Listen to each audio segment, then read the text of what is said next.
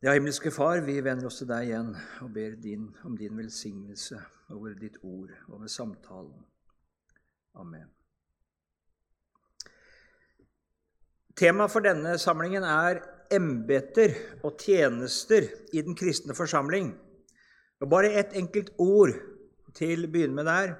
I Romerbrevet 12 og vers 6 så står det Alt etter den nåde som er oss gitt, har vi ulike nådegaver.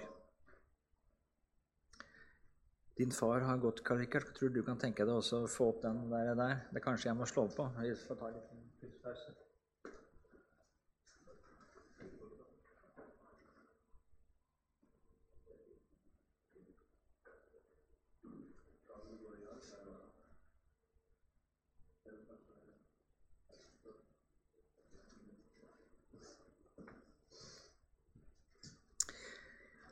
Som vi nevnte i forrige time, den troende forsamling er ett legeme, men det er mange ulike lemmer. Og Det er ikke sånn at ett, lege, lem skal gjøre alt. Heller, heller ikke skal alle lemmer gjøre det samme. Men hvert enkelt lem skal ta vare på sin oppgave og sin tjeneste. Og da er spørsmålet hva skal skje i en forsamling? Hvilke tjenester og hvilke oppgaver har en forsamling? Nå skal jeg være litt sånn eh, Bare gi noen tanker helt til å begynne med.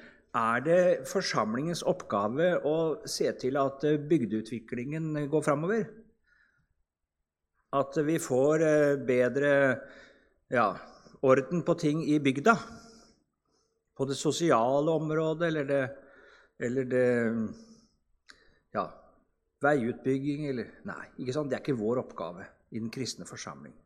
Vi har en annen tjeneste. Vi driver ikke samfunnsutvikling. Altså, Vi skal vite hva det kristne arbeidet er, og hva er det som er vår oppgave. For det kan fort bli sånn. Det er en del, ikke minst i en del karismatiske sammenhenger så er det ikke måte på hva man skal gjøre for byen. og Man skal, man skal vaske naboens bil, og man skal ordne og Ja, at man kan hjelpe noen, det er klart. Men det er, det er, liksom, det er mye mer en sånn samfunnsoppgave. Men det er ikke vår oppgave. Vi har en annen oppgave. For det første, og det primære, så skal Guds ord forkynnes. Og Det er det mest grunnleggende, og skal være det for det som er et styre i kristent arbeid, for ledelse. At det, at det legger til rette for at det, Guds ord blir forkynt, slik at mennesker kan komme til tro. Og det kan skapes og oppholdes kristne forsamlinger. Og Da kan vi si at det er tre, i hovedsak tre ulike forkynnernådegaver. Evangelister Av og til så jeg har hørt en tynn preken med masse historier, så sier noen ja, det var en typisk evangelist. Nei, det var det ikke. Det var en dårlig forkynner. Det var ingen evangelist. Evangelist det er han som forkynner den grunnleggende forkynnelse overfor uomvendte til vekkelse og omvendelse. Det er en evangelist. Det altså står i fronten i møte med verden. Det er evangelisten. Mens profeten taler mer til troens folk, til vekkelse, til ransakelse, til oppbyggelse, så taler evangelisten i første rekke til de som ikke er kommet til tro. Til de som er, er fremmede for det kristne budskapet. Døpen Johannes sin forkynnelse, omvend dere, for himlenes rike er kommet nær. Da har du på en måte den evangelistens forkynnelse. Eller Jesu forkynnelse i starten av sin virksomhet, hvor han gikk inn i den samme. Omvend dere, for himlenes rike er kommet nær. Den grunnleggende forkynnelse av synd og nåde. De enkle, riktignok, de enkle grunnsannhetene til frelse, det er evangelistens tjeneste. Første evangelist. For det andre profeter å tale profetisk er altså ved Guds ånds lys og innsikt å kunne tale Guds ord, slik at det bedømmer og åpenbarer den aktuelle situasjonen. Det står I 1. Korinterbrev 14 så står det definisjonen på profetisk tale. Den som taler profetisk, oppbygger menigheten. Og det står i vers 3.: Den som taler profetisk, taler for mennesker til oppbyggelse, formaning og trøst.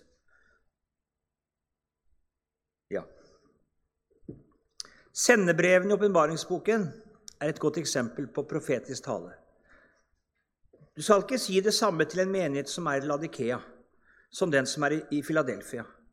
Altså Hvis du som predikant ikke er klar over hvilken tid du er i, hvilken situasjon du er i, hva som er nøden Og så har du, har du et standardbudskap. Det er Filadelfia-budskapet, for det er så lyst og fint, så det forkjenner jeg overalt, for det syns jeg er godt. Men hvem skal si noe til, de, til en tid som er som Laudikea? Hvem skal si noe til en menighet som har det som Efesus? Så den profetiske tale den er altså Guds ord inn i den aktuelle situasjonen, og som kan tale til den åndelige sykdom eller nødsituasjon som er, men også den oppbyggelse som trengs, den trøst som trengs i forsamlingen. Apostelen Paulus skulle ønske at alle talte profetisk.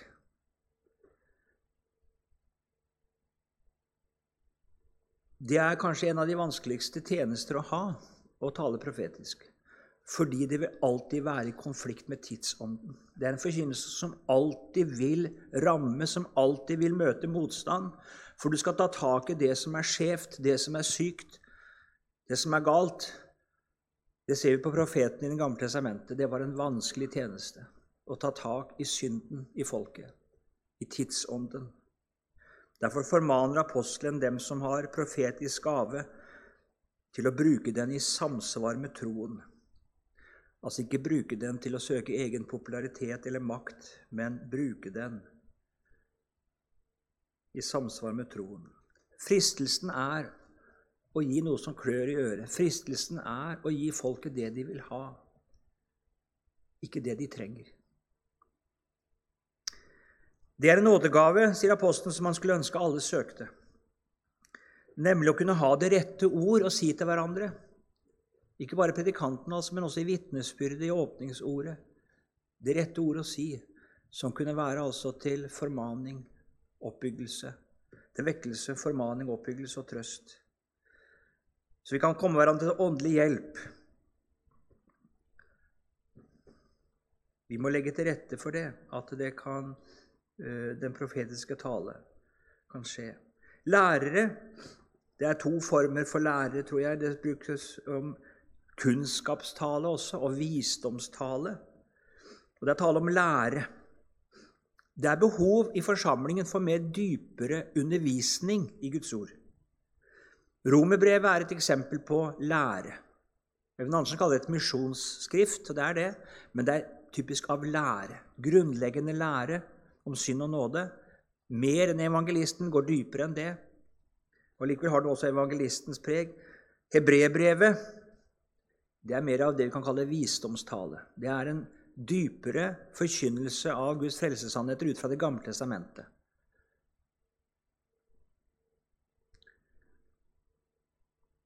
Så Det er snakk om forkynnelse av Guds ord. Nå sier ikke sant, visdomstale og kunnskapstale. Jeg kunne si at det der nede sitter en som har et vondt bein. Det skal liksom være et kunnskapsord. Det har ingenting med det å gjøre. Visdomstale og kunnskapstale er forkynnelse av Guds ord. Men altså som, som uh, visdom, sier apostlene, forkynner vi blant de fullkomne. Det er altså en mer dypere forkynnelse av Guds ords sannheter. Uh, men det er en innføring i Guds ord. Sånn som Barnabas, ikke sant, som kunne virkelig utlegge Guds ord, og Apollos kunne utlegge Guds ord fra Det gamle testamentet. Selv om vi taler om tre ulike nådegaver, så skal vi ikke tenke det altså at en forkynner han er rendyrket det ene eller det andre. Det er klart noen er mer lærere. Noen har mer en, en nådegave til å føre inn og grunnfeste Guds ord. Noen har mer det vekkende, og særlig kanskje da rette mot de som er utenfor. Og Det er deres tjeneste. Den har det på en måte preget at den, den, den eh, har et sikte der og står i en sånn tjeneste også overfor uomvendte. Og noen har en profetrøst til å tale til de troende, til å vekke dem, til å holde dem våkne, til å grunnfeste dem, ikke læremessig, men personlig, i synd og nåde. Men det betyr ikke altså at det er rendyrket. Så det var det første i forsamlingen. Guds ord skal forkynnes. For det andre barn og unge skal undervises. Hvordan er det med barna og de unge der vi bor? Er det noen som tar ansvar for at de samles om Guds ord og får innføring i Guds ord? Det er ikke på langt nær så mange søndagsskoler nå som da jeg vokste opp. Da jeg vokste opp i min hjemby, så gikk alle barna i bygda på søndagsskole. Hver eneste en. Det er en søndagsskole der, men jeg vet ikke hvor mange som går der. Og jeg vet ikke hva de får. Barnearbeidet så gikk også alle barna i bygda. Alle gikk på gutte- og jentelag. Alle gikk på yngreslag til de begynte på videregående, kanskje til og med ferdig med videregående. Det er ikke sånn nå. Det er ikke det. Men hvem tar ansvar? Og så er det mange problemer der, for det har vært den organisasjonens område. ikke sant? Og så har det sklidd ut, så det er noe du føler ikke kan ha noe med å gjøre lenger. For det er blitt på en helt annen måte. Og så er det litt vanskelig, for at det, det har jo vært den organisasjonen som har hatt det ansvaret. og Kan du starte et nytt arbeid da, når det er sånn, og da vil det bli splittelse? og ja. Det er ikke så lett, disse tinga der, sånn, men det er et ansvar. Vi kan ikke bare si at den er så vanskelig. Det er et ansvar. Hvem skal lære disse barna? De får ikke noe i skolen. Hvem skal lære dem? Jo, vi bygger kristne skoler, men det når noen. Men hvem skal ta et ansvar for å innby disse? Ikke bare våre barn, men også de andre barna som ikke hører et ord. Vi sender misjonærer til og, og driver i både Sør-Amerika og Moldova, men vi har noen utafor stuedøra vår nå som er like fremmede for evangeliet. Det er forsamlingens ansvar. Det er det. Jødene satte de aller mest utdannede til å undervise barna. Det var de skriftlærde. Rådsherrer hadde det ansvaret.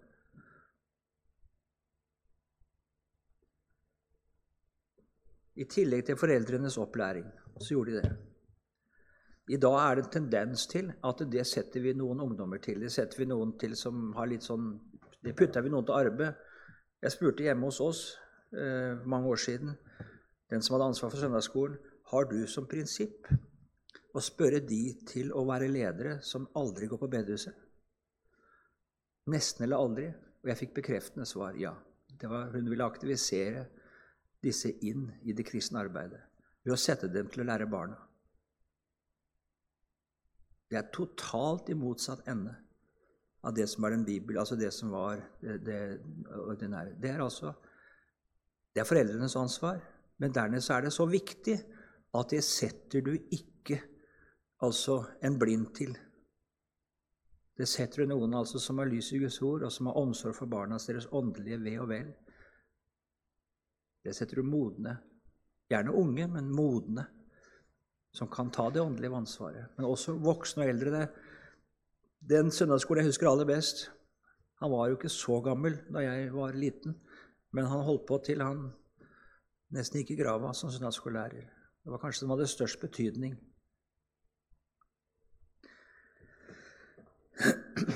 Noen skal lede og styre og sette andre til tjeneste. Skriften taler om eldste, om tilsynsmenn. Det heter presbyteros og episkopos, er blitt til prest og biskop. Men det handler ikke om prest og biskop. Da tenker vi på noe helt annet. Eldste og tilsynsmenn er noe annet. Og hyrder. Det siste, hyrde, det ser helst ut til å være en forkynnertjeneste med særlig ansvar for å veilede og rettlede, men også oppbygge. Eldste og tilsynsmenn de har altså ansvar for at, som, at, alt er som det skal være i menigheten. At det er orden, at det er sømmelighet, at de rette personer settes til tjeneste. Det er et hyrdeansvar å se til at alle fårene får det de trenger. At de får den mat, den stell, den omsorg. At de som har rota seg bort, at de blir henta. betyr ikke at hyrden skal gjøre alt dette selv. Men han har et ansvar for det. og Det skulle være noen som hadde det hyrdeansvaret i forsamlingen. Jeg vet ikke om den som er formann i dag, tenker på det. Jeg har et ansvar for det åndelige liv hos hver enkelt i forsamlingen her. Han skal ikke gjøre alt, han skal sørge for at det er en forkynnelse som kan være til åndelig hjelp. Han skal sørge for at det er noen som ser til barna og de små lamma. Han skal sørge for at noen sier mat til dem. Han skal sørge for at noen som rettleder de unge. At det noen, at det settes, at det er en tjeneste. Det er hyrden, det er den eldste tilsynsmannens oppgave. De har gjort det stort sett til å lede møtet. Det er ansvaret. Nei. Vesentlig skjer dette utenom møtet. Det er noe som man må tenke på hele tiden, altså. Det ansvaret. Men det skjer selvfølgelig i møtet, mye av dette her. Men, men eh, det er ikke nok til å være møteleder. Og Så taler Skriften om menighetstjenere. Og Det er i den sammenheng også tale om kvinner som har en særlig tjeneste i menigheten. Vi kan si i 1. Timotus 3, 8-13. Likeså må menighetstjenerne være verdige, ikke tvetungede, ikke henfallende til mye vin, ikke ha lyst til skammelig vinning. Det må være slike som bevarer troens hemmelighet i en ren samvittighet. Også disse skal først prøves, deretter skal en la dem tjene i menigheten om de er ulastelige. Likesom med kvinnene, de skal være verdige, ikke fare med baktalelse, men være edruelige og trofaste i alle ting. I en menighetstjeneste skal være én kvinnes mann, oppdra sine barn og styre sitt hus på en god måte. For de som har vært gode menighetstjenere, får selv en aktet stilling og stor frimodighet i troen på Kristus Jesus. Det nevnes kvinner her. Det nevne, altså det, det står ikke hvilken type tjeneste de har, men denne tjenesten er både menn og kvinner som har. Syke og eldre, ensomme, skal besøkes. Er det noen ordnet tjeneste med det hos oss? Jeg vet, jeg kjenner noen predikanter og har en utstrakt besøkstjeneste. Både i Sverige og Norge. Noen kanskje for mye av det gode slik at de nesten er, de er en enorm Jeg tenker Det kunne ikke være noen andre som hadde avlasta dem litt, for, for, for, det er altså så mye besøk. Men det er flott at de gjør det. Men er det bare predikanter som skal ha den tjenesten? For det har det blitt. Overtatt, som er sagt, sogneprestens oppgave som gjorde det. Reiste på sykebesøk.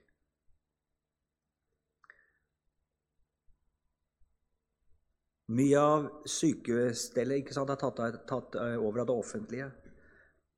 Og, og, så tenker vi at nei, det er jo ordna. Ja, for kroppen så er det mye det. Men ikke for sjelen. Ikke for det åndelige liv. Fortsatt er det mulig å komme inn på sykehjem og ha andakt og synge. Det er det. Men det stenges mer og mer for det. Men det er noen andre jeg sier ikke at predikanter ikke skal gjøre det, men det er andre som også. Og det kunne være noen forsamlinger som hadde det som sin tjeneste. Det er noen jeg er overbevist om det er blant kvinner og menn som har en nådegave her. Jeg kjenner noen, jeg vet om det, som ikke er predikanter, som har en egen nådegave til å ha omsorg og samtale og besøke mennesker.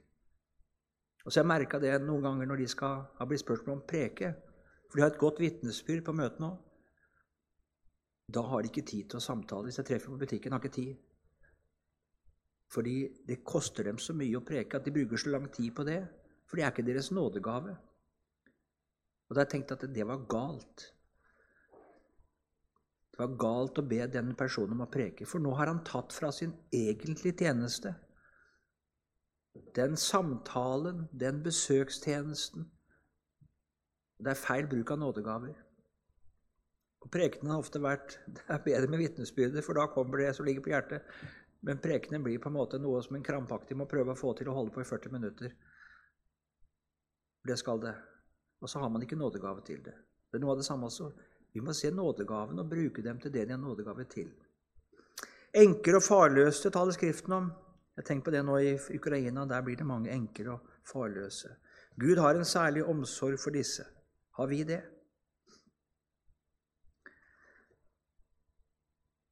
Det er ikke så lett å være den som sitter igjen, særlig hvis det er noen som har små barn og far er borte. Oppdragelse, praktisk hjelp, støtte og veiledning. Den som sitter igjen alene også, har mista sin og kommet til hjelp. Praktisk, åndelig, menneskelig. Innby og møter. Det står ikke noe om det i Bibelen. Det Gjør ikke det. Men, men eh, det er ikke alle som har så lett å komme seg til møte. Det er jeg håper å si, noen åndelige kopplam i den troende forsamling som ikke tar til seg mat sjøl, og som trenger en dytt, som trenger en å bli henta og bli nesten fora altså på den måten. Det er det. Et kopplam det vet dere som er det, det krever noe ekstra omsorg. Og det er noen sånne i forsamlingen som trenger at noen minner på at det er møte. Så kan ikke du bli med bare blant de unge og blant voksne og eldre. Noen syns det er ille. De, de har vanskelig for å komme seg ut og, og syns det er ille å belemre andre med det. Og så holder de seg hjemme. Men en telefon, en henvendelse sagt det, Og ikke bare si at du kan ringe meg hvis du skal på møte, for da ringer de ikke. Men si at jeg ringer deg. og så kommer jeg og henter deg. Hvem skal gjøre det? Noen er ensomme og utenfor midt i ungdomsflokken og venneflokken. Hvem har ansvar for å inkludere dem? Hvem har ansvar for at samlingen i de unge imellom blir mer enn fjas og innholdsløs underholdning? Det skulle vært at vi snakker med noen av de unge om det og sagt at når dere kommer sammen, er det noen av dere som tar ansvar for å lese et ord? Eller blir det bare tomt? og si at det skulle du Hvis du sier at det er en som har et åndelig syn, som har noe å gi, og si at det skal du tenke på, det ansvaret skal du ta, og gi dem en bevissthet om det. Ikke la det bare håpe at det går bra, eller, eller tenke at da skal jeg som på en måte, da skal jeg passe på at de er hos oss. Det kan man gjerne gjøre. Innby. og Si at de må gjerne komme og ha, samles hos meg, i vårt hjem. Så hjelpe dem og rettlede dem. Men noen og Det bør være noe som man snakker om i forsamlingen.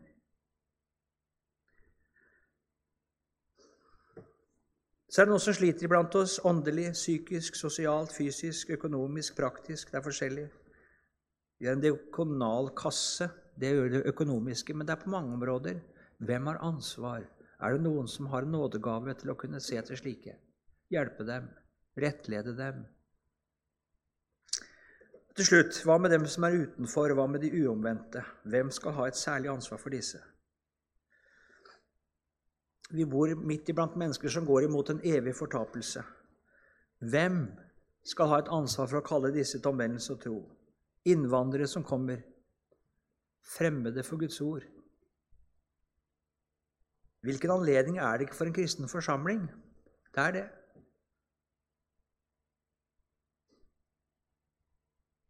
Hva gjør vi for å nytte anledningene? Og jeg tror det at Hvis ikke vi snakker om det i den konkrete lokalforsamling, så blir det altså en her og en der helt tilfeldig som har syn for det, som kan starte noe.